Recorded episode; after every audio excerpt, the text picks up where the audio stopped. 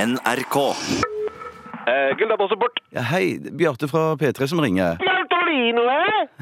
He- Hei, Egil. How are you this morning, my friend, eh? Er det en ny stil nede på Datasupport?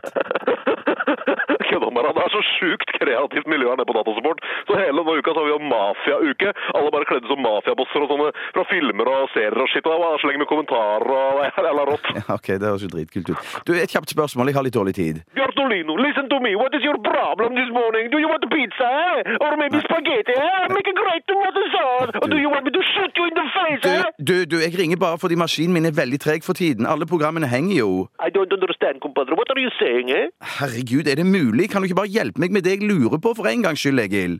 You talk to your mother like that, you motherfucker. You think I'm funny, eh? I'm funny how? Funny like a clown? I amuse you. I make you laugh. I'm here to fucking amuse you. Ja, ja, ja, ja, du kan masse replikker fra mafiafilmer. Veldig, veldig bra. Say hello to my little friend. Egil! Party pooper, ass. Altså, Hva er grunnen til at du får sjunga og dansa hele dagene i det der Hubba Bubba Fancy Schmancy radioprogrammet ditt, mens vi gutta på gulvet i Datasupport aldri får ha det moro? Altså, Det er så jævla lame, det, noob! Ah, Du skulle vel valgt en annen studieretning eller noe sånt, da? Der kom den! Fy, fy faen, Justice. Altså, jeg har fire års IT-utdanning med bachelor i softwareanalyse. 240 000 i studielån fordi jeg hadde en drøm om mitt eget firma etter endt skolegang. Jeg ville gjøre noe ordentlig med livet mitt. Eit!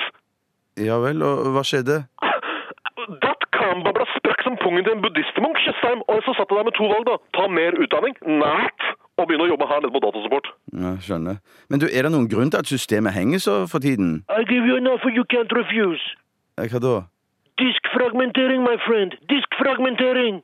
Ja, Hvordan gjør jeg det? Hvordan gjør jeg det, Don Vito? Ja, hvordan gjør jeg det, Don Vito?